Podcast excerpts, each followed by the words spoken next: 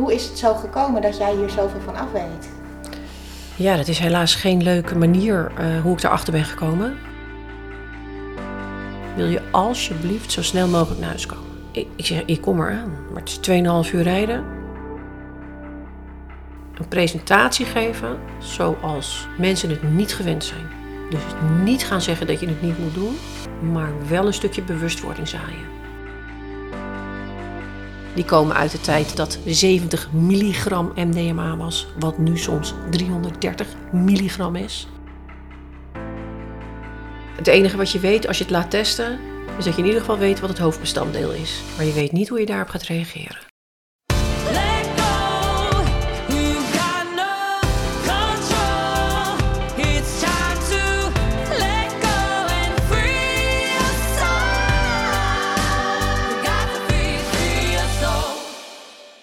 Bij SOS de podcast, waarin we het hebben over verslaving en de impact op naasten. Ik ben Wilma en ik zit hier met mijn dochter Donna. Hey Don. Hey mam. Uh, ja, we zitten hier weer gewoon thuis aan de keukentafel bij jou vandaag. En we hopen er een hele bijzondere aflevering van te maken. Ja, nou wij zijn de podcast natuurlijk gestart naar aanleiding van een uh, cocaïneverslaving binnen ons gezin. Uh, we hadden hier uh, meerdere redenen voor.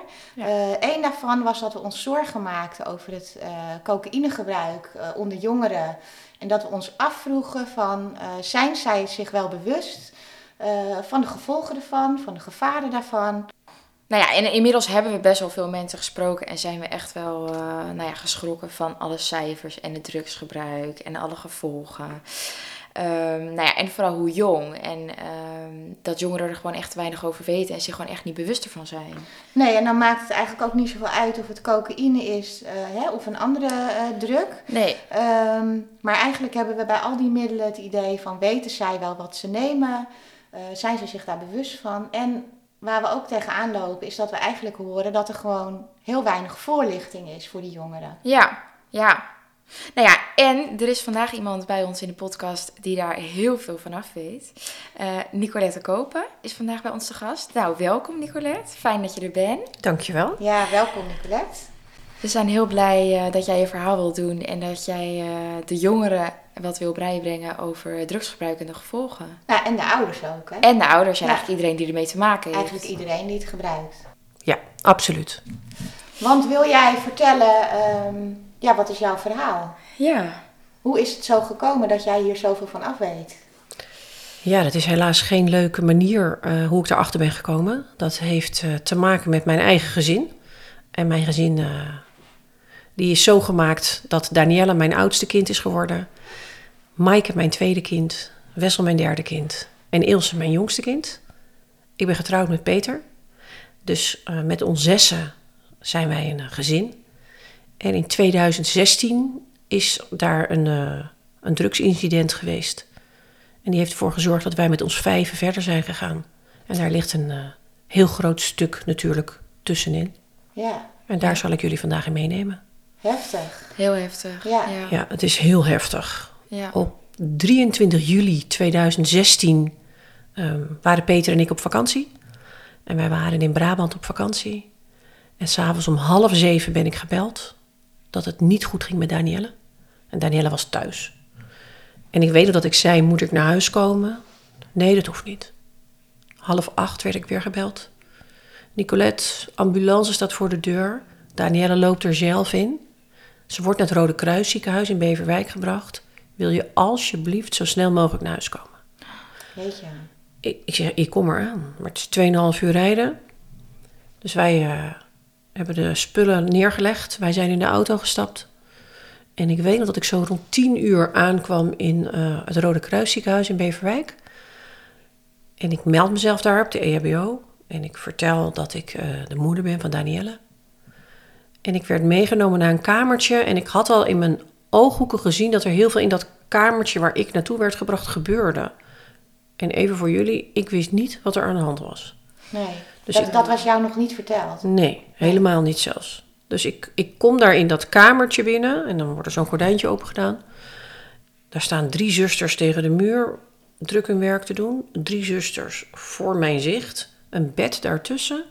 Links zie ik Danielle haar hoofd, rechts zie ik haar benen. En daar zie ik ook twee artsen staan. En voordat ik ook maar iets kan vragen, zegt die arts direct tegen mij: Heeft uw kind drugs gebruikt? Dus ik, ik kijk nog naar die man en ik denk nog: wat, wat zegt hij nou? En ik zeg: Nee, nee, dat, nee, dat heeft ze niet gedaan. Um, even voor jullie, twee weken daarvoor was ik met haar uh, aan het lunchen. En had ik zo'n uh, moeder-dochter gesprek. Oh, ja. Omdat ik vond dat zij best wel vaak een drankje deed na het werk. Ja. En dat ik me wel zorgen maakte over haar alcoholgebruik. Nou, dat werd allemaal weggewuifd. Jeetje, mam. Stel je niet zo aan. uh, hè, Ja. Dat hoort erbij. Het is gezellig. Het valt echt wel mee. Maak je niet zo'n zorgen. Ja. Oké. Ik zei, dan heb ik nog een vraag aan jou, Danielle. Heb jij wel eens drugs gedaan? En wat zij deed? Zij sloeg zo met haar hand op de tafel. En ze zei tegen mij, jezus, mam, doe eens even normaal. En ik dacht, oh mijn god, wat heb ik nou toch aan haar gevraagd? Ja. Jij voelde je nog bijna rot omdat je die vraag stelde. Ik voelde me er heel schuldig over. Ja. Dat ik dat aan haar gevraagd had. Ja, En zij mij zo daarvan wist te overtuigen dat het niet zo was. nee. Dus nu vroeg die dokter dat aan mij.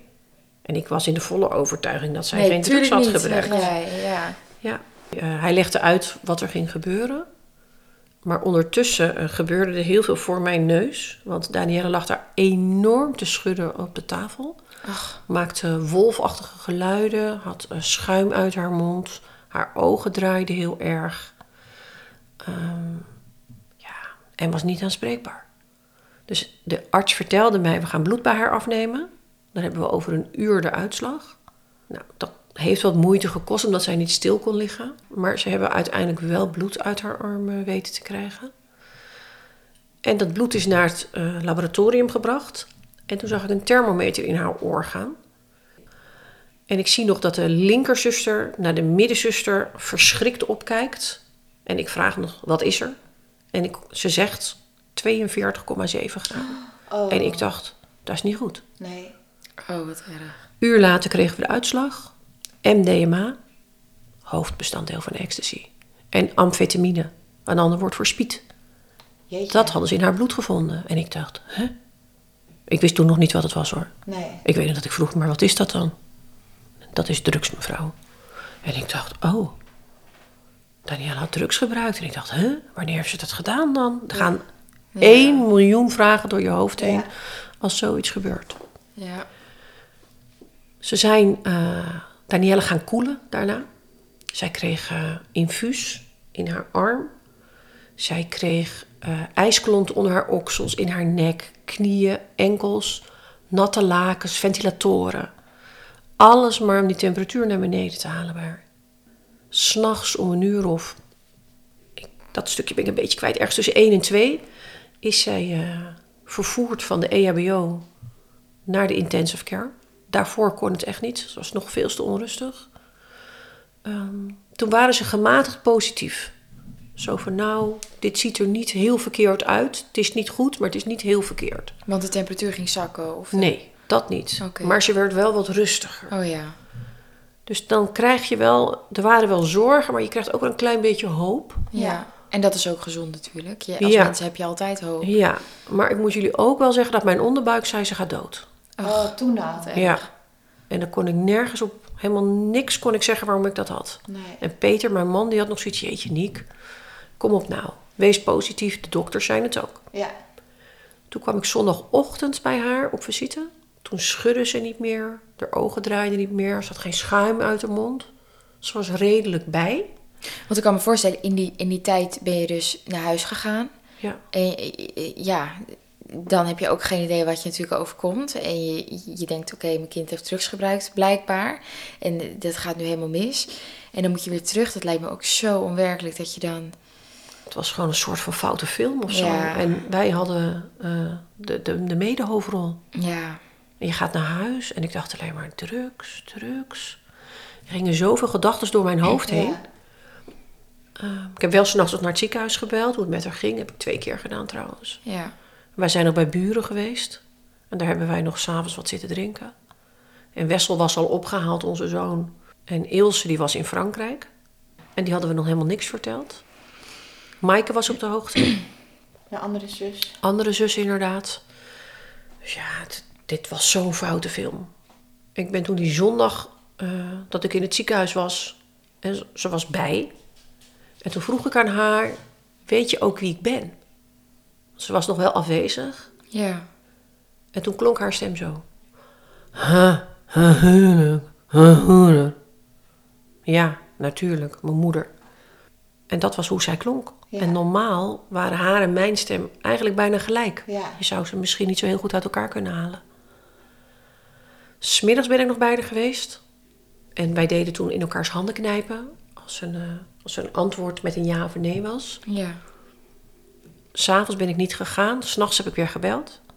Had ze een beetje vlaag gegeten, vertelde de verpleger mij. was een mannelijke verpleger. Maandagochtend zou ik weer naar het ziekenhuis gaan. Ik had mijn jas aan. En ik word gebeld door het hoofd door van de intensive care. En die vertelde mij... eh, mevrouw Kopen, het gaat niet goed met Danielle. Haar lever stopt ermee. Wow. En toen dacht ik, haar lever stopt ermee, maar het ging toch beter? Ja. En ze moet naar een ander ziekenhuis, een academisch ziekenhuis. Maar ze wisten nog niet welke. Dat kon Groningen worden. Eh, het werd uiteindelijk Leiden. Dus dat was een soort van geruststelling. En toen vroeg ik nog van, maar hoe moet het dan met mijn kinderen? En toen zeiden ze, ja, het is wel belangrijk dat de kinderen afscheid nemen... want we weten niet hoe dit verder gaat. Oh, wat wat erg. erg. Wat een schok. Ja, dus toen heb ik Maaike gebeld, die was aan het werk. Van sluit je kassa af, kom naar het ziekenhuis. En ik ga je daar vertellen wat er aan de hand is. Wessel heb ik wakker gemaakt. En ik heb hem verteld, kerel, het is een slechte dag. Je zus heeft drugs gedaan. Ja, en we weten niet hoe het afloopt, maar je moet afscheid nemen. En toen Ilse. Die was er niet. Die was in Frankrijk Ach. Bij Lyon. En ik moest haar aan de telefoon gaan vertellen dat haar lievelingszus, want zij hadden een enorme band samen, eh, ja, dat dat niet goed ging met haar. En dat zij zo snel mogelijk terug naar Nederland moest komen. Ja. En ik wist niet hoe ik terug moest krijgen. Toen heb ik Tom, dat is een hele goede vriend van ons, die heb ik gevraagd: zou jij alsjeblieft naar Frankrijk kunnen rijden? En dat heeft hij gedaan. Dus die heeft mijn hondjes meegenomen. En die is Ilse gaan ophalen in Frankrijk op een parkeerplaats. In de buurt van eh, Dijon. En eh, wij zijn afscheid gaan nemen met ons allen. Ik heb Danielle denk ik wel duizend keer nog gezegd hoeveel ik van haar hield.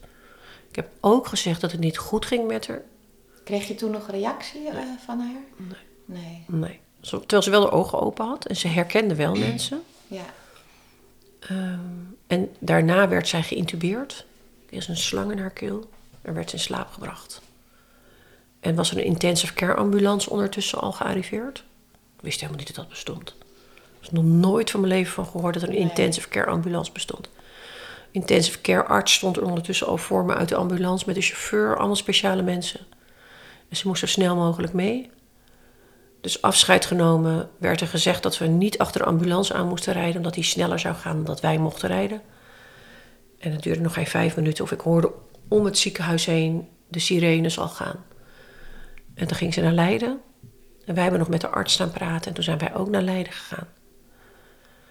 Ja, dat is zo'n bizarre ervaring ook. Je stapt dat ziekenhuis in, dat je een heel groot ziekenhuis, Ja. op zoek naar je kind. Het heeft even geduurd voordat ik haar vond. En daar kwam eh, het woord levertransplantatie voor het eerst ter sprake. Eh, het ging niet zo heel goed met Danielle al op dat moment. Omdat die lever natuurlijk aan het stoppen was. Ja. Dus ik wilde steeds maar benoemd hebben. Stel je voor dat ze wel overlijdt voordat Ilse komt. Willen jullie er dan alsjeblieft wel warm houden? Ja, dat klinkt een beetje gek, Oh, ja. maar ik dacht, ja, dat, Ja. dat was voor mij zo belangrijk. Ja. Ja. Er was geen enkele sprake dat ze dood zou gaan op dat moment. Maar ik bleef maar met dat gevoel zitten. Nou, we hebben dat gesprek gehad over de levertransplantatie. Toen is zij op een lijst geplaatst. En toen is ze nummer één in heel Europa geworden. Dus de eerste persoon in Europa die zou overlijden. En die lever zou matchen met haar bloedgroep. En Ja. alles wat zij nodig had. Die zou voor haar zijn. S'avonds om een uur of tien is Ilse aangekomen. Met Tom samen. En ik bleef tegen Danielle ook zeggen: hou vol, Ilse komt eraan. Oh ja. Maar ze reageerde nergens op. Ook de lampjes in haar ogen. En toen kwam Ilse. En ik had Ilse voorbereid. Ik had een foto van Danielle, hoe ze eruit zag. Want ze was heel erg opgeblazen. Ja. En toen ehm, zei Ilse met het hoofd op Danielle de kussen liggend. Daan, Daan, ik ben er. En Danielle deed echt zo. Ogen gaan ogen open. En ze valt zo weer neer. Oh.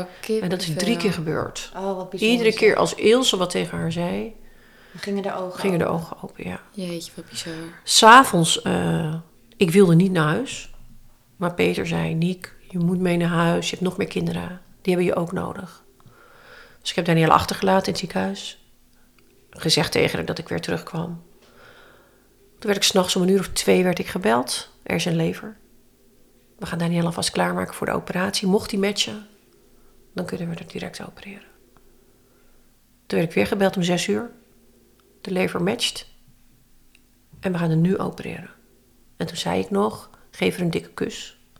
Ja. En de dokter zei tegen mij, ik ga u om een uur of twaalf weer bellen. Het is een zware operatie. En het gaat ons tijd kosten. Prima. Kreeg je toen weer hoop? Ik had nog toen had ik wel weer hoop. Ja. Tegen mijn onderbuikgevoel Ja. in Ja. had ik hoop. Ja. Ja. En toen ging mijn telefoon om half negen. Oh. En toen zag ik kerngetal. En toen dacht ik, dat is niet Ach. goed. Want dat was hetzelfde nummer als waar ik om zes uur mee gebeld was. Ja. En dat was diezelfde dokter.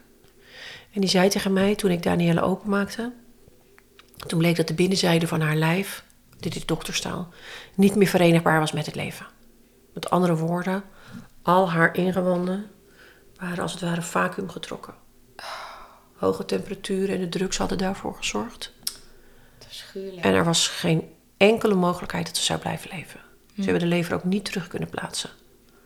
Toen was de boodschap: komt u zo snel mogelijk naar het ziekenhuis. En als u hier bent, dan zullen we de apparaten uitzetten. En Danielle zal overlijden.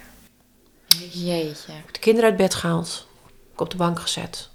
Heb ik stuk voor stuk verteld wat er ging gebeuren. Ondertussen vrienden, familie, kennissen gebeld. Die zijn naar ons gekomen, de meest, die het meest dicht bij ons stonden. Ja. Eh, want ja, die moesten bij de kinderen blijven. Zodat Peter en ik naar het ziekenhuis konden gaan. Ja. Daar is ons de procedure uitgelegd in het ziekenhuis. Kinderen natuurlijk eerst achtergelaten thuis. Huilen, huilen, huilen. Ehm, rond 11 uur zijn ze de procedure gaan opstarten. Apparaten gingen uit. Ik weet nog dat hij drie keer op een knopje drukte. En toen vroeg ik nog, wat doe je nu? Toen zegt hij, ik geef haar wat extra morfine Oh ja. zodat ze geen pijn heeft en dat ze wat dieper wegzakt. Apparaat ging uit. Ik had al gezegd, ik wil niet die flatline zien en horen, want dat had ik wel eens in een film gezien.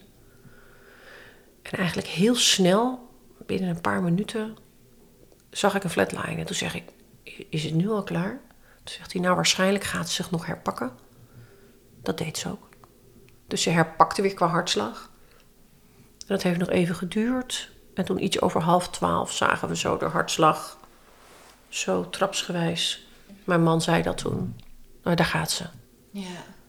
En het, het was zo bijzonder. Helemaal niks gebeurde er met haarzelf. Behalve dat ze dood was. Ja. Ja.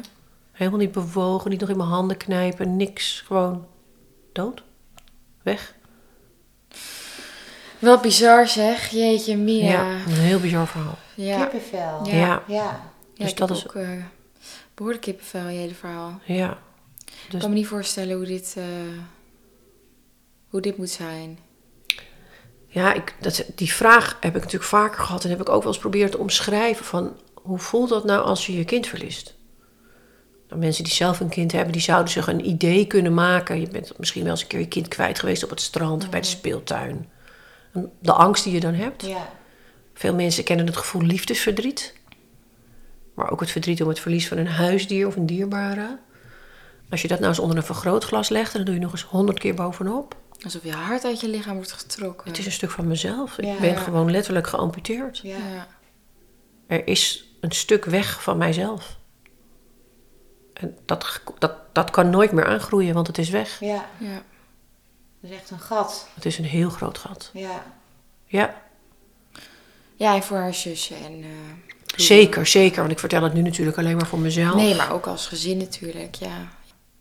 Als gezin, eh, wij waren natuurlijk met ons zessen. ja. Dus we dekten de tafel voor ons zessen.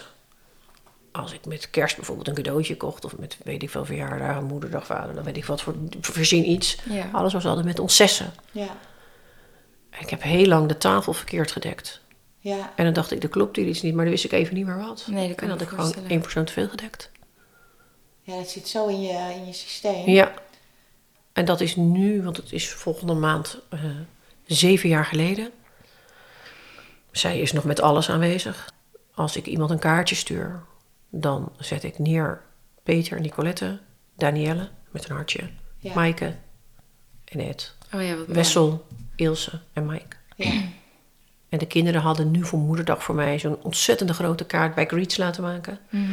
Maar er zitten ook alle foto's van Danielle tussen. Ja. En dan beginnen ze de kaart eh, van je kinderen. Dan staat er Danielle met een hartje. Ja, mooi. En dan dat. de andere Ja. namen. Ja. Ja. Ja, ja, dus zo voelen zij dat ook. Ja, zij voelen dat absoluut. Ja. Danielle die is gewoon zo'n onderdeel van ons leven natuurlijk. Ja, en dat blijft. Ja, dat gaat nooit meer weg. Nee. Nee. Ze is er gewoon nog Ja. altijd. We hoeven daar nu niet eens ons best voor te Nee. doen. Ze is er gewoon altijd. En ze mag ook niet vergeten worden. Absoluut niet. Nee. Nee. Absoluut niet. Nee. Maar hoe ben je... Want er komt een moment dat je, dat je het allemaal gaat verwerken.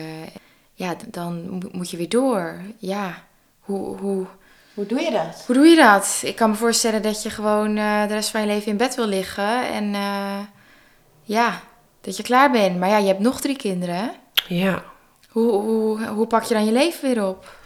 Ik ben eh, eerst naar zo'n praatmevrouw gegaan. Zo'n Mhm. praktijkondersteuner. Ze is naar de huisarts. Eerst, huisarts komt eerst bij je thuis. Ja. Als je kind is overleden. Dus bij mij was dat zo. En ik had eh, al direct zoiets dat ik een missie had. Oh zo ja. van ja, maar dat kan toch niet dat je hier dood aan gaat. En wat, wat is dit nou qua voorlichting? Ik ben me natuurlijk direct al gaan in, erin gaan verdiepen. Ja. Ik dacht, nou, maar ik kan er zo weinig over vinden. Ik kan geen instanties vinden. En nou, dan moest ik het weer even wegleggen, omdat ik ook nog wat andere dingen moest focussen. We hebben eerst de uitvaart natuurlijk nog gedaan. Ja. En eh, heb ik zelf gesproken. Oh, wat mooi. Ik ben met een open kist binnengekomen, Danielle in mijn hand eh, vastgehouden. Daar is het eigenlijk allemaal ontstaan. Mijn eigen verwerking is ontstaan door een stichting op te richten. En ik weet dat eh, de uitvaartleidster toen de legendarische woorden sprak. Ik weet zeker dat moeder, Nicolette in dit geval, hier nog wat mee gaat doen. En dat ze dan zal zeggen: Hallo, ik ben Nicolette. Ik ben de moeder van Maaike, van Wessel, van Ilse en van Danielle. Ach, wat mooi. Oh, dat zei zij. Dat zei zij, ja. En zo ja. doe je het ook altijd. En hè? zo, Ze heeft het goed aangevoeld. ja, zo Ja. ben ik uiteindelijk, start ik elke prestatie. Wat Ja. bijzonder. Ik zal me even voorstellen. Maar eigenlijk dus, als ik het goed begrijp, na een week of binnen een week had jij al het gevoel, Ik moet hier iets ik mee. moet hier iets Ja. mee. Ja, maar ik Ja. moest eerst de uitvaart doen. Ja, Dus ik heb eerst, hebben we uiteraard de uitvaart eh, gedaan en alles daaromheen. Toen heb ik me vooral op de kinderen nog gefocust. Ja, ik kon het niet verzachten voor ze. Ik wist ook niet hoe ik het voor ze moest verzachten. Het gebeurde in de grote vakantie. Ze moesten weer naar school na de vakantie. ja, Dus ik had gesprekken op school in de vakantie met de kinderen. Hoe zij weer terug naar school zouden gaan. Ondertussen heb ik ze naar de praktijkondersteuner laten gaan. Ik heb ze naar rouwdeskundige laten gaan. Eén van de kinderen die was daar wat sneller mee klaar. Die had zoiets van, nou, ik, ik, ik denk dat het me gaat lukken. ja. Ehm, twee andere kinderen, daar gaf er ook eentje vrij snel van aan. Ik denk dat ik mijn manier ga vinden, maar ik weet het nog niet zeker. En één van de drie kinderen, die heeft daar tot op de dag van vandaag nog heel veel moeite mee. ja. Ja, dat kan me voorstellen. Ja, maar toen dat zeg maar allemaal een beetje liep, voor zover het kan Ja, lopen, want het leven gaat door en dat is het Ja. Moet wel. Vooral als ik er nu op terugkijk, hoe het mogelijk was dat het leven weer doorging. Ik heb namelijk heel veel nachten niet geslapen. Dat was eigenlijk vooral toen ze nog met de kist boven de grond was. Want ik dacht, als ik ga slapen en ik word wakker, ben ik weer een dag verder. Ja, En dan gaat ze weg, dan zie ik haar nooit meer. nee. Oh, Oh, het kan me echt. Ja, En je ziet om je heen dat iedereen fietst en het gaat Ja. naar zijn werk. en die gingen weer en- naar haar werk, ja. Het leven was eigenlijk... Stilgezet. Scheurt, Ja, je werd zo teruggeworpen op... Ik weet het niet zo goed. Ik denk op een oer iets. Op een Ja. over, je gaat op de overleefstand. Adrenaline. Ja. Ja. adrenaline, ja. Ik ben aangegaan en ben tot op de dag van vandaag nog niet uitgegaan. Nee. Nee. Binnen vijf weken zat ik bij de notaris en ging ik een stichting oprichten. En die notaris vroeg aan mij, verdrietig wat er allemaal met uw dochter is gebeurd, wanneer is ze overleden? En dat was in augustus dit. En toen zeg ik, 26 juli.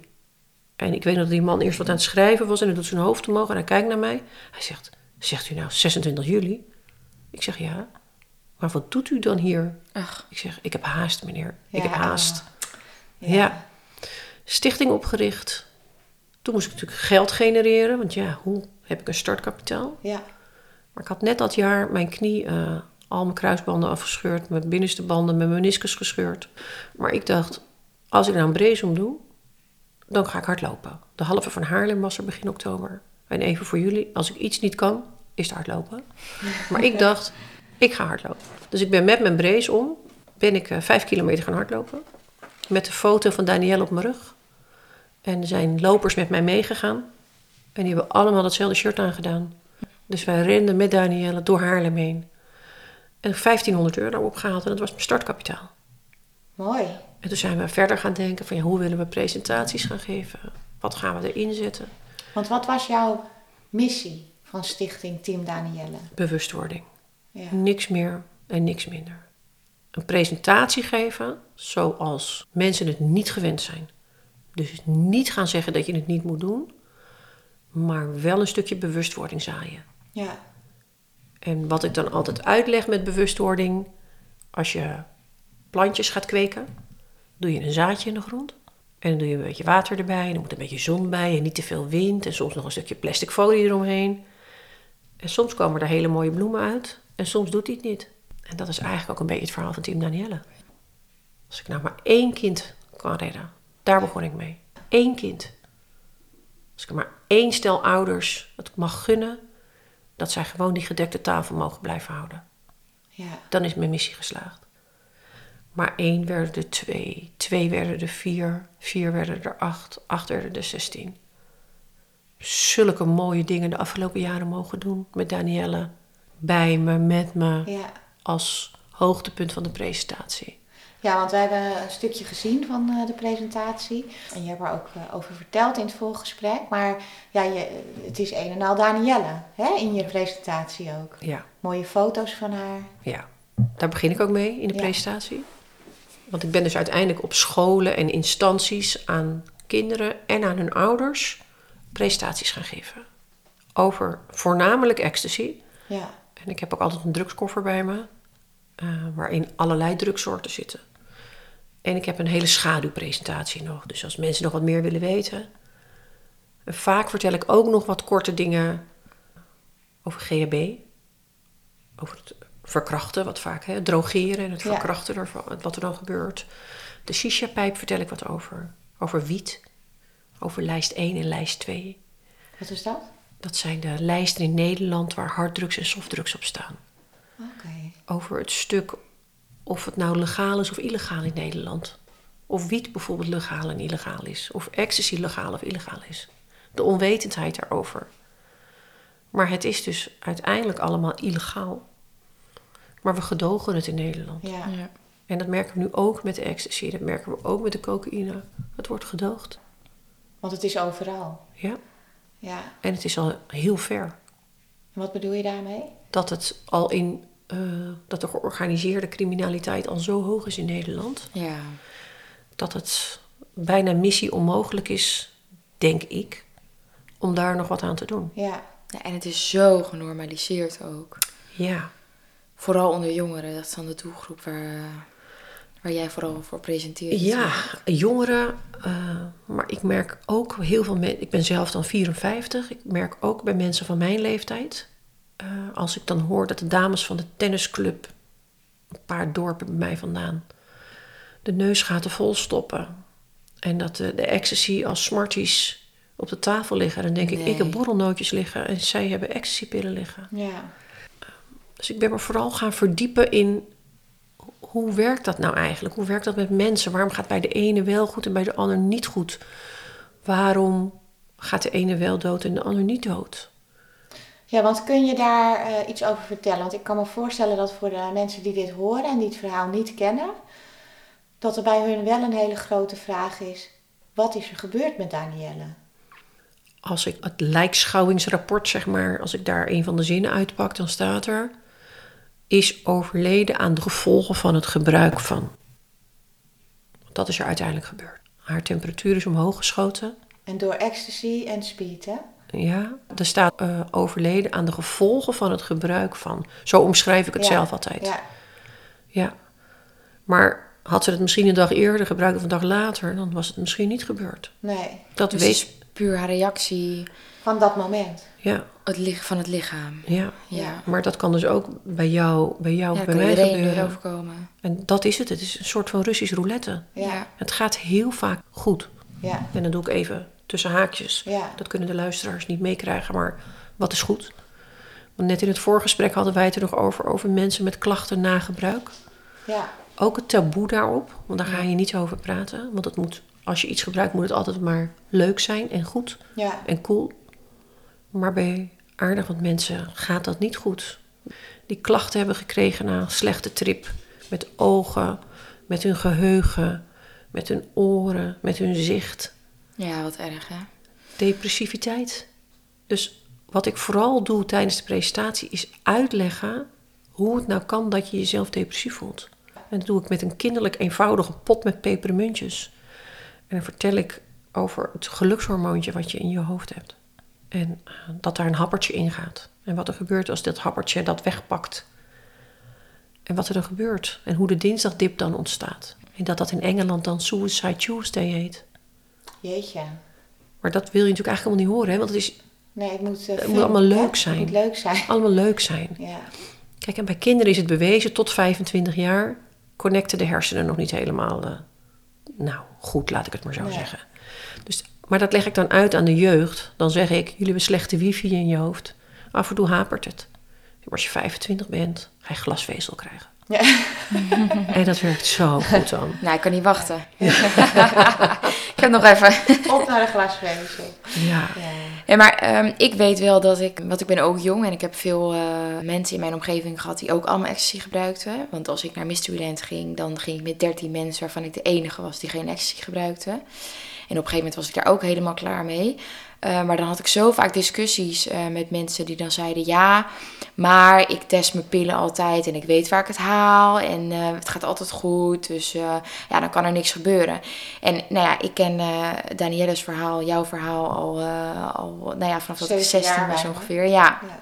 En ik weet dat ik dit echt wel vaak aan mensen heb verteld. Van, het ligt er dus niet aan of je goed spul hebt of geen goed spul. Het kan dus gewoon de reactie van je lichaam op het middel zijn.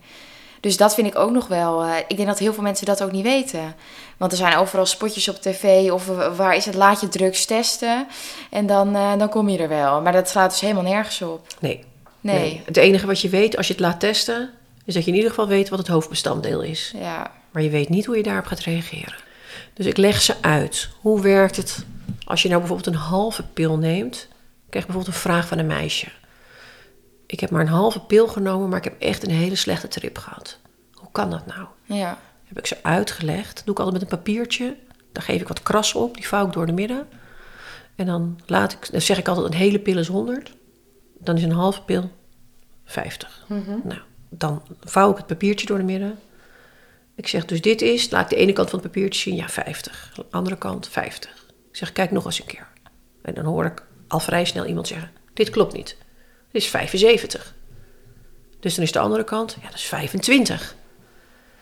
Dus dan eh, probeer ik ze ook mee te geven dat het niet zo wil zijn dat jouw pil precies de helft Nee, van de Ja, inhoud is.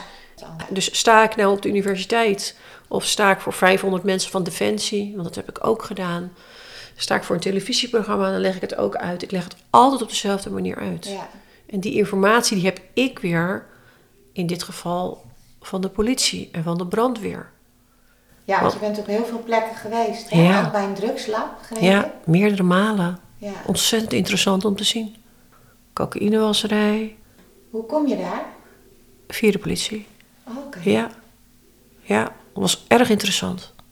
ja, dat kan ik me voorstellen. Dus jij weet gewoon waar je het over hebt. Ja, helaas Ja, weet ik het wel. duidelijk, Ja, ja. Ja. Ja. En niet uit een boekje. Nee, precies. Nee. Ik heb met eh, Pieter Tops gesproken. Deze man heeft onderzoek gedaan naar cocaïnegebruik in eh, Amsterdam, onder andere. Ja, deze meneer heeft mij zoveel mooie, waardevolle informatie gegeven. Kun je daar een voorbeeld van geven? Zeker. Hij vertelde mij, eh, omdat hij met de drugsdealers had gesproken, met wie er een deal was gemaakt. kon hij mij vertellen hoe het werkte in de wereld. Ja, dat, dat had ik anders nooit, maar dan ook Nee. nooit van iemand gehoord. Er zijn eigenlijk zeg maar zeven lagen. Zeven, dat is degene. Dat is zeg maar de Don Corleone. En nummer één, als ik het even andersom, als ik het dan van zeven naar één doe, Ja. daar beneden, dat zijn de loopjongens. Maar nummer zeven, die gaat echt niet gepakt worden. Daar moet je erg je best voor doen. Ja. Laten we nummer zeven meneer Taki noemen. Ja. En alles wat hij beneden loopt en fietst en brommert, dat, dat zijn de loopjongens die worden gepakt. En of het dan de uitpakkers zijn, hè, de uithalers Ja. uit de containers. Containers, ja. Of dat het eh, Jantje op zijn brommertje is, die pakketjes in de ronde brengt. ja, en als nummer 7 wel uit wordt gepakt, dan staat er weer een nieuw nummer 7 Dan is er weer een nieuwe nummer 7. Dus dat is nooit... eh, Nee, dus ik krijg ontzettend vaak de vraag... als we het nou gaan legaliseren, Nicolette... en daar willen diverse partijen met mij over discussiëren... maar voor mij hoef je er niet over te discussiëren. ja, want wat doe je met al dat dumpafval en met al... eh, Nou, kijk, als je nou... Ik, ik vind echt, op zich vind ik het echt een hele goede vraag. Hè? Wat nou als je gaat legaliseren? Ja, Kijk, als we nou gaan zeggen, daar komen 100% minder doden van, dan zou ik zeggen, doe het dan maar, Ja. alsjeblieft. Maar dan staan mensen er niet bij stil. Dan zou een ander voor jou gaan beslissen hoeveel er voor jou oké is om te gaan gebruiken. Dus dan gaan ze bijvoorbeeld zeggen, pillen met 140 milligram MDMA. Dat is toegestaan. Dan Dat, zouden ze dan bijvoorbeeld Ja. zeggen. Even voor jullie, momenteel zijn de pillen 180 tot 330 milligram MDMA. Dus dan wordt er gezegd, je mag één keer per 10 weken, want een pil duurt ongeveer 10 weken voordat die helemaal uit je systeem is. Eén ecstasy. Eén ecstasypil van 140 milligram. Dus stel je nou voor dat ze gaan zeggen, je mag één keer in de 10 weken of 12 weken één pil halen Van 140. van 140 milligram. Nou, denken mensen dan, dat eh, is eigenlijk net niet wat ik in gedachten had. Want doe het Ja. elke week. Ja. Dat gaat het niet Nee, worden. nee. Natuurlijk zullen er uiteindelijk een deel, daar, daar kan je absoluut eh, van gaan zeggen, als die het willen gaan proberen, die kunnen het dan met een 140 gaan proberen. Ja. De mensen die het misschien één of twee keer willen gaan proberen. Maar dat wil nog steeds niet zeggen dat er niks met jou gaat gebeuren. De kans is minder groot natuurlijk, omdat het minder vervuild is. Maar ik heb drie ouders binnen mijn stichting. Alle drie die meiden een MDMA-allergie. Je bent gewoon echt binnen drie uur ben je weg. ja.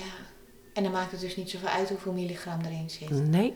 Nee. En ook niet of je groot, klein, dik, dun, jong, Nee. oud bent. dus het is echt Russisch roulette. Het is Ja. Russisch roulette. Ja. En als jij dan die presentaties geeft, heb jij dan het gevoel... ehm, jij krijgt ook vast reacties terug, neem ik aan. Heb jij dan het gevoel dat jongeren daar iets mee doen? ehm, en dat het binnenkomt en dat ze misschien daardoor een andere keus maken? Ja, dat is wel een mooie vraag ook voor jou. Want die vraag had ik zelf natuurlijk ook. Ik denk, ja, wat, wat doet dit nou met jongeren? Ja, En ik gaf eh, vorig jaar bij een eh, jeugdsociëteit in Castricum... gaf ik een presentatie aan eh, jongeren die daar op een avond konden chillen. En dat waren in mijn ogen wat jongeren met een hoog onverschilligheidshalte. Dus ik ben mijn verhaal gaan vertellen en de helft van de presentatie wilde een deel even roken. Ze gingen weer naar buiten en die kwamen later weer binnen. Dus ik dacht, nou, ik weet het niet zo goed hoor. Ik, Ja. ik, eh, ik hoop maar dat het is aangekomen. Maar toen ik weg was, is er zoveel met elkaar gepraat. En ze hebben het hele weekend niet gesnoven. Die jeugdmedewerker had mij nog gecontact. Oh, wat goed. Dus ik dacht, ja, dat is mooi. het Dat betekent, dat doet wat. Het Ja. doet wat. Na de presentatie krijgt iedereen een foto mee van Danielle. Als ik aan Danielle denk, dan. En die foto die heeft een doel. Want die foto die belandt ergens. Op tafel, op je kamer. Meisjes hebben hem in de telefoon achter het hoesje. Oh ja. En ik was eh, op de Hogeschool van Leiden. En ik liep daar door de studiezaal heen naar de congreszaal, omdat ik daar een presentatie gaf. En ik hoor, eh, mevrouw. Ik hoor nog een keer, mevrouw. Dus ik keek toch om en ik doe nog zo met mijn vinger op mezelf wijzend. Bedoel je mij? En het meisje knikte. En die deed zo van, kom eens hier. Dus ik loop naar haar toe. Ze zegt, u bent toch de moeder van Danielle? Ik zeg, ja. Ze zegt, ik heb een presentatie toen van u gehad. En ze opent haar agenda achterin. En daar hing mijn Danielle. ach, met, een paper, met een paperclip. En ze zegt, mevrouw, elke keer als ik drugs aangeboden krijg, dan denk ik elke keer maar weer, wat zou die moeder van Danielle hier nou van gezegd hebben? Ach, goh. Wat ja. bijzonder. Ja. Dus Ja. Missie geslaagd. Ja. Ja, ja. En zo zijn er natuurlijk veel meer. En zo krijg ik prachtige berichten. Ja. Ik krijg natuurlijk niet alles te horen. Nee. Nee. Maar nee, er zullen ook heleboel zijn bij wie het iets doet en dat zal jij nooit weten. nee, dat zal ik niet weten. Nee. Nee. nee, ik hoor wel eens dat mensen zeggen: jouw verhaal doet meer dan dat jij ooit zult weten. Ja. Omdat er dus gepraat wordt. Ja. En dat is natuurlijk ook wat ik graag wil. Ik Je wil graag. iets open, denk ik. Ja, nou, Ja. we hebben het over taboes gehad. Ja. Ik wil dat het ook hier taboe van afgaat. Ja. Dus ik geef ook ouderavonden. En ik vertel precies dezelfde presentatie die jongeren overdag van mij hebben gehad. Vertel ik s'avonds aan Ja. die ouders. En die zitten er allemaal van, nou, dat doet mijn kind niet. Nee. Ja, en wat zeg je? Dat dacht ik ook. Ja, dat dacht ik ook, ja. Ja, maar blijkbaar is het voor kinderen ook heel moeilijk om, eh, het zal niet voor alle kinderen gelden, hè, maar ja, om dat te zeggen thuis. Omdat ze misschien toch bang zijn van mijn ouders die eh, worden er bang van, of die worden boos, of ik mag niet meer weg, of ze schamen zich misschien. Omdat ze altijd gezegd hebben, ik ga dat niet doen. En dan, eh, hè, dan ben je een bepaalde leeftijd en dan doe je het toch. Dus er zit toch een hele erge drempel. Ja, daarom zeg ik altijd, je hebt drie soorten ouders. En sinds een van de laatste presentaties zit daar een vierde type ouder aan vast. Eerste type ouder, dat doet mijn kind niet. Tweede type ouder, mijn kind mag drugs gebruiken, heb ik vroeger ook gedaan. Dus altijd interessant, hè? ga mee in gesprek. Ja, Want die komen nog uit de tijd dat de THC in een wietje 7% was. En die weten niet dat het nu bijvoorbeeld Ja, 17 precies. is. Ja. Die komen uit de tijd dat 70 milligram MDMA was. Wat nu soms 330 milligram is. ja.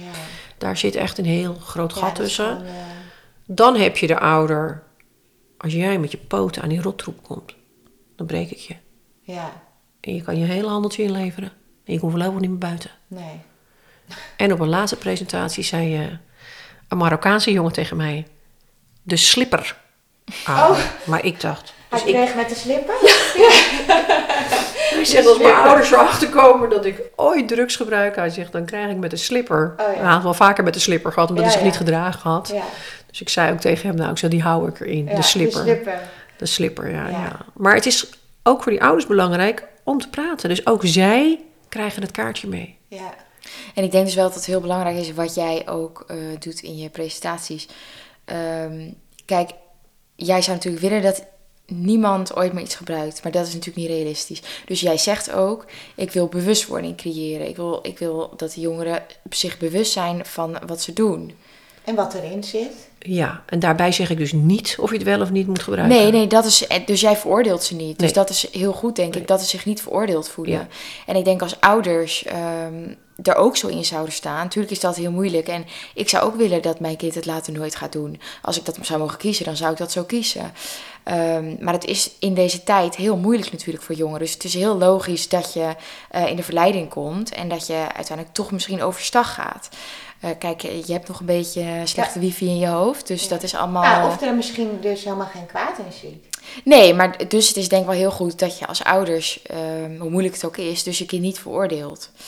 Ja, en dat is denk ik wel wat jij met je presentaties ook doet. Ja, en dat probeer ik ze ook mee te geven. Ja, En ik eindig mijn presentatie eh, met eh, hashtag dooddoeners. Mag van mijn ouders. Ik heb het laten testen. ja. Kan toch geen kwaad. Iedereen doet het. Over dat soort dingen praat ik dan met ze. Ja. Dan leg ik ook nog uit wat het testen inhoudt. Ik leg ook uit dat het bij de een dus goed kan gaan en bij de ander fout kan gaan. Ook al heb je het laten testen. Ja. Ehm, ja, dat is wel heel goed ook, dat ze dat... en vooral het stukje groepsdruk wat daarbij komt kijken. Ja, Ja, Want ons eigen onderzoek, wat Tom en ik hebben gedaan op de scholen, blijkt dat jongens vaak gaan gebruiken. En dat ze dan het vriendinnetje uiteindelijk ook gaan vragen. En eh, dat zie je ook in vriendengroepen. dat het vaak bij de jongens begint. Ja, dan zijn er, is er een vriendengroep die niet in gebruik zijn. Dan komt er iemand van, een outsider komt er zeg maar bij. Die wel in gebruik zit. ja. En die introduceert. Ja. En dan gaan die jongens toch overstag. Maar ik snap ook wel bij jongeren. ehm, kijk, er zijn natuurlijk ook verhalen van jongeren die dit af en toe eens doen, die er geen last van hebben, hè, die niet depressief of wat dan ook. Er zullen best wel eh, hè, verhalen zijn waarvan je denkt, nou ja, gaat wel oké. ik bedoel, ik zou er niet voor, eh, voor pleiten, maar ik kan me voorstellen als je als jongere dat dan hè, in je kring hebt, dat je op een gegeven moment denkt van, nou ja, het kan toch ook niet zoveel kwaad. Absoluut. Ik als denk, je dit niet weet, hè? eh, ja, als je dit niet als weet. je dit niet weet, dan, denk, ik dat ja, dan denk ik ook inderdaad dat eh, ik snap ook dat zij zo denken. Ehm, als ik zie wat er allemaal in het jonge mensenleven momenteel speelt. Alles, maar dan ook alles moet gedeeld worden op social media. Mensen willen er graag bij horen. Want als de ene het doet, dan wil de ander het ook doen. En de ander heeft gezegd dat het echt hartstikke chill is. Ja, dat, dat wil je ook wel. En het is ook nog eens interessant als je kan zeggen dat jij het ook hebt Ja. gedaan. En eigenlijk hoor je er normaal niet zo heel erg bij. Je bent net een klein beetje die outsider. Maar omdat je dit dan doet, dan hoor je er wel bij. En zo gaat het vaak van kwaad tot erger. Ja. Nou, en de nieuwsgierigheid ook. Dat snap ik ook. Weet je, dat je, eh, als je dan op een gegeven moment hoort van je vrienden... Oh, het was zo chill en dit en dat. Ja, dat- ik, ik begrijp wel dat als je jong bent en je hoort dat steeds... Dat het heel moeilijk is. Ligt natuurlijk ook een beetje aan hoe impulsief je bent. Of hè, Ja. wat je persoonlijkheid is. Of ADHD of wat dan ook. Maar dat het best, de nieuwsgierigheid ook een dingetje kan zijn. Van nou, dan wil ik het toch een keer proberen. Ja, ik, ik kan het me voorstellen. Ja. Als je al die verhalen hoort, Ja. dan kan ik me daar een hele goede voorstelling van maken. Ja, en ik denk dat er ook genoeg mensen zijn die eh, het dus bijvoorbeeld al, al eh, langer doen. Af en toe een ecstasy-pil op een festival. Hè? Want kijk naar al die technofestivals. Ik bedoel, eh, de muziek is niet om aan te horen. Maar ja, je houdt het vol met een bepaald soort middel natuurlijk. Ehm, en als jij dat al een jaar lang elke zomer, de hele zomer doet... en je denkt het gaat prima en ik heb het naar mijn zin... Ja, dan zijn er natuurlijk ook mensen die zeggen... ja, wat maakt het eigenlijk uit? Nou ja, dus dat er ook op de lange termijn schade wordt aangericht. En dat eigenlijk heel veel mensen dat helemaal niet weten. Nee, mensen staan daar totaal niet bij stil. En dus ook als je het, als je het eh, zeven keer per jaar doet. Ja, maar het kan zeven keer goed gaan. Het kan ook zeven zomers Ja. goed gaan. Maar het kan Ja. de achtste zomer gewoon fout gaan. Ja. Als er vorig jaar iemand overlijdt hier op een festival vlak in onze buurt, wat niet in de krant is verschenen, maar wat wel bij mij terecht is gekomen, omdat je bijvoorbeeld een hartaanval krijgt na ecstasy-gebruik. ja. Een meisje met watervergiftiging vorig jaar. Vorig jaar zijn er best nog wel wat mensen overleden na ecstasy-gebruik. Maar als je aan een hartaanval sterft na ecstasy-gebruik, dan sta je niet in de cijfers. Als Dan was het een hartaanval. Als je eh, van een brug afspringt omdat je hallucineert, dan ben je suïcide. Enzovoort. Ja. Als je jezelf ophangt omdat je zo depressief bent geraakt van ecstasy-gebruik. Want die moeders heb ik ook in mijn eh, bereik en vaders. Dat is allemaal suïcide. Ja, dus die komen niet bij de cijfers eh, hè, waar Nee. wij in het voorgesprek even over hadden. Ja. Hè, dan wordt er bijvoorbeeld gezegd acht doden door ecstasy in eh, 2016. Ja. Terwijl het er veel meer zijn, maar die vallen onder een andere noemer. Ja, en ze zijn niet allemaal gemeld. Want als je een, een ziekenhuis heeft geen meldingsplicht. Nee. Dat heeft allemaal met de wet op de privacy te maken. Er gebeurt zoveel waar wij verder geen weet van hebben. Nee, misschien is het ook maar goed dat we het niet allemaal niet weten. Nee. Want ik weet nog dat ik sommige dingen te horen kreeg. Dat ik daar zo'n heel onheimelijk gevoel van kreeg. Dat ik dacht, jeutje, Ja. werkt dat nou zo? Wat speelt er allemaal? Ja. Ja. en dat is nog maar een topje van de ijsberg. Want natuurlijk weet ik helemaal niet wat er allemaal speelt. Nee. Ik weet alleen maar wat ik weet. En dat Ja. vind ik al erg genoeg. En het is al vrij veel ook. Ja, Nou ja, en achter druk zit natuurlijk een enorme machine van eh, criminaliteit. Die willen dat de machine doordraait, zeg maar. Ja, dat kan ik me ook wel voorstellen in hun geval, want zij willen inkomsten Ja, hebben. ja. ja. Kijk, en dat, als je nou vraagt, Nicolette, maak jij je ergens zorgen over? Dat is het stuk waar ik me zo'n zorgen over maak. Ja. Al die mensen die de pillen in de mond steken, die hun neus iedere keer volstoppen, daar zit georganiseerde misdaad achter. En hoe? En die wordt groter en groter en groter. Want die drugsdealers, die rijden af en aan. Hoe vaak horen we niet het afgelopen jaar een bom voor die deur? Ja. Een bom voor dat bedrijf. Iemand staat te schieten. Eh, een jongen in Heemskerk met LSD die eh, een andere jongen dood heeft gestoken omdat hij helemaal in een foute trip zat. Ja, het wordt steeds Eh, gekker. de de In het mensen verkeer, ongeluk in het verkeer, onder invloed. met ballonnen en ellende allemaal in het verkeer. Dus daar kan ik me heel erg zorgen over maken. En daar staan we niet bij stil op het moment dat we onze neuzen... Nou, ik zeg we, ik kan mezelf niet onderschaden... maar dat de mensen Ja, eh, die dat wel willen gebruiken... Je bent er een deel van uiteindelijk, hè? Als Ja. je dat, eh, Nou, ik heb wel gehoord dat, eh, misschien heb ik het eh, in een eerdere aflevering wel een keer genoemd, dat, maar dat achter elke gram kook eh, één dode schuilt. En dat kan in Colombia zijn, dat kan in Nederland zijn, maar ergens in die hele molen, elke gram staat voor een dode. En dat gaat dus alleen nog maar over koken, hè? Kan je nagaan. Ja, dan heb ik het alleen Ja. over kook. Ja. ja. Moet je nagaan. Ja, nou, en al het, eh, het afval dat overal gedumpt wordt van al die eh labs. Ja, eh, je werkt er wel aan mee als je het gebruikt. Ja, is onderdeel van mijn presentatie. hè. Ik laat eigenlijk alles wordt met foto's, eh beelden. Ecstasy afval dumpen. Ja, ecstasy afval. Ja, is een onderdeel van de presentaties. Ik laat eerst foto's van de labs allemaal zien. En als ik daarmee klaar ben, dan laat ik allemaal foto's van de dumpen zien. De verschillende manieren van dumpen. Geraffineerd die criminelen dat doen. Het is niet alleen maar in een weiland of dat het ergens gedumpt wordt. Maar ook dat vrachtwagens gestolen worden. Drugsafval erin wordt gezet. Dat dat in het, midden in, een in het centrum van Nijmegen wordt neergezet. En wie het vindt, die mag het hebben.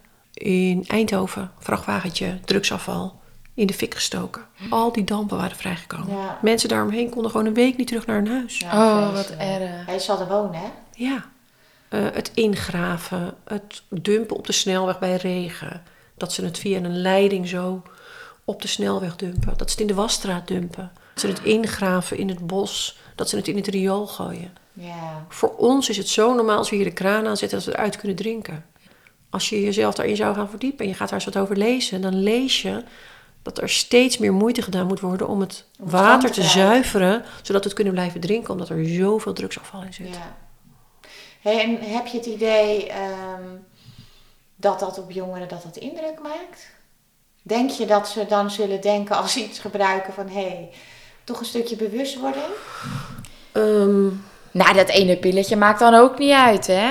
ik weet niet of dat, stuk, een, ja, eh, ik weet ook niet of dat stuk van het drugsafval eh, per se blijft hangen. Nee, Maar, goed, maar, is ik wil het ze wel meegeven, want dan heb je Ja. het in ieder geval gezien. Ja. Nou, ik Ja. vind het toch wel heftig klinken, hoor. Ja. Wat ik altijd terughoor van de presentatie, wat heel erg blijft hangen, dat is uiteraard het verhaal van Danielle, Ja. waar ik mee begin. Een filmpje waar ik mee eindig. Ehm, de foto's van het lab. Dat ik uitleg over de ketels, de, de snelkookpannen.